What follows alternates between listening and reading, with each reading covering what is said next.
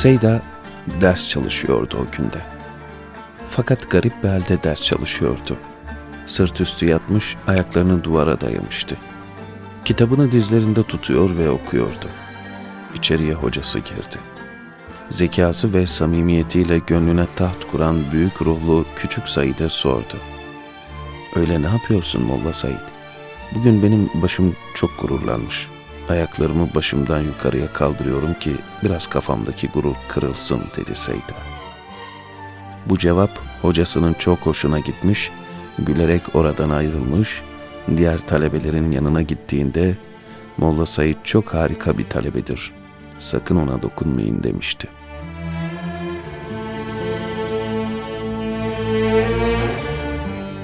Çekirdek bir hayat yaşıyordu. Rusya'yı aşmanın, Sibirya'da dolaşmanın, oralara iz bırakmanın bir hikmeti vardı muhakkak. Gecenin sabahı, kışın baharı vardı. Esirken de hükmetmesini bilmişti. Hak mağlup olmazdı.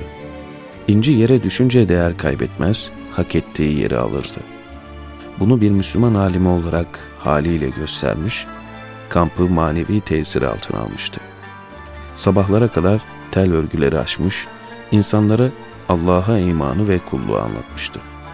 Esirler arkasında saf bağlarken neredeyse esaretlerine sevineceklerdi.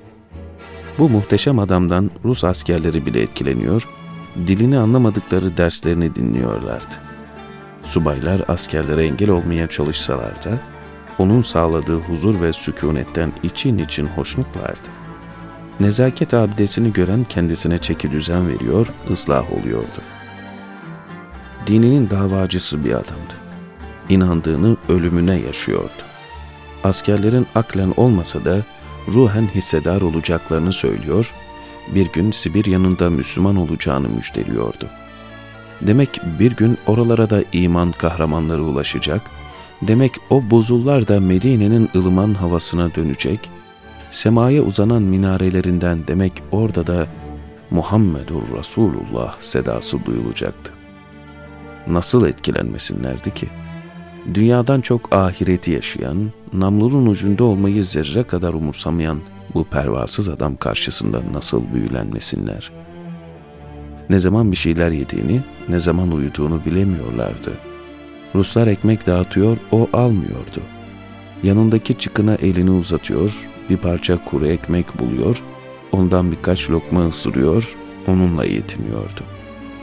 Bir gün esirlerden birisi Rus askerin uzattığı kuru ve kara ekmeği alırken askerle göz göze geldi. Bir anda iki gözde aynı şeyi söyledi. Bakışları Seyda'ya döndü. Asker esire bir tane daha kuru ekmek uzattı.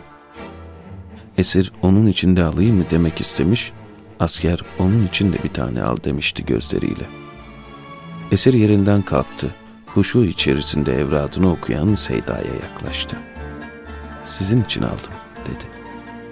Seyda onun bu şefkatli muamelesinden hoşnut olmuş, ona teşekkür etmiş, yemeyeceğini söylemişti. Ekmeğe elini bile dokundurmuyordu. O gün bir aralık Seyda ortalardan kayboldu. Bir süre sonra elinde küçük bir bezle göründü. Bezin içinde kimden aldı, nereden bulduysa biraz buğday vardı. Belki de içeriye girip çıkan Tatar bir köylüden satın almıştı. O gün öğleden sonra kamptaki esirler ve askerler bu Yılmaz adamın bir kenarda ateş yaktığına şahit oldular. Ateşin üzerinde bir saç, içerisinde bir parça un vardı. Demek bir yolunu bulup buğdayı öğütmüş, şimdi de pişiriyordu. Rus askerleri onun bu haline gülmüş, sebebini çözememişlerdi. Kampın bu akıllı adamı acaba esaretin tesiriyle mi böyle garip garip şeyler yapıyordu? Sebebi sonradan anlaşıldı. Domuzların da pişirildiği fırında pişen ekmekten yemiyor, onun için bunca meşakkate katlanıyordu. Şaşkınlıkları bu iman abidesi karşısında hayranlığa dönüştü. O incinir fakat dinin ruhunu incitemez, şart, mekan, meşakkat tanımaz, inancının gereğini yapardı. Başkalarına sataşarak değil, zorluğu kendisine alarak.